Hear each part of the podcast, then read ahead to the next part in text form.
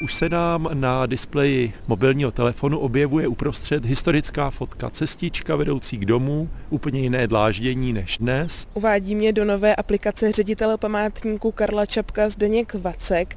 Na té první historické fotografii vidíme právě spisovatele Karla Čapka před svým letním sídlem.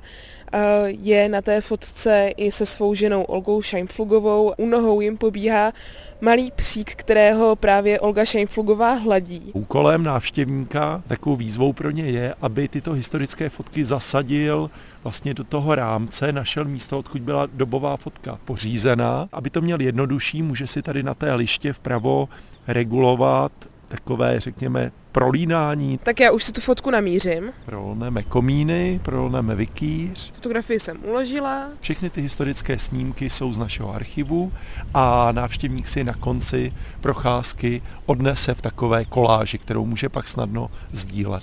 Jedno z deseti zastavení nás teď zavedlo k potoku, kde dřív bývala dřevěná lávka. Právě ta je na tom archivním snímku, který si teď budu porovnávat s realitou. To, co je teď neprostupnou houštinou odříznutou od zahrady potokem, tak naopak za Čapkových dob bylo snadno přístupné a schudné díky lávce. Čapek se tady se svými přáteli rád věnoval práci v zahradě s Ferdinandem Peroutkou, například spevňoval břeh potoka a právě Peroutkovi vzpomínky na dny strávené na strži čte v aplikaci Hlas Karla Čapka.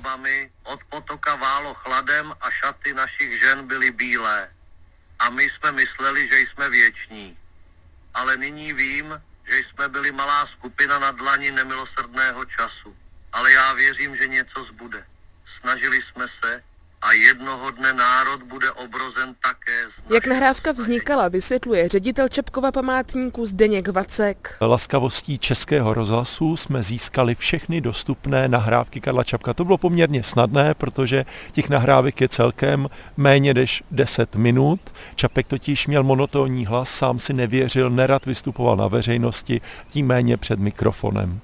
A na základě těchto originálních nahrávek mohl software umělá inteligence syntetizovat jeho hlas a my jsme mu do úst vkládali tedy autentické výroky, buď jeho nebo jeho přátel, jak vzpomínali na strž a pobyt zde. Okruh s historickými snímky má v aplikaci 10 zastavení. K dispozici je i kratší trasa pro děti s názvem Pohádkové příběhy. Z Příbramska Natálie Máchová, Český rozhlas.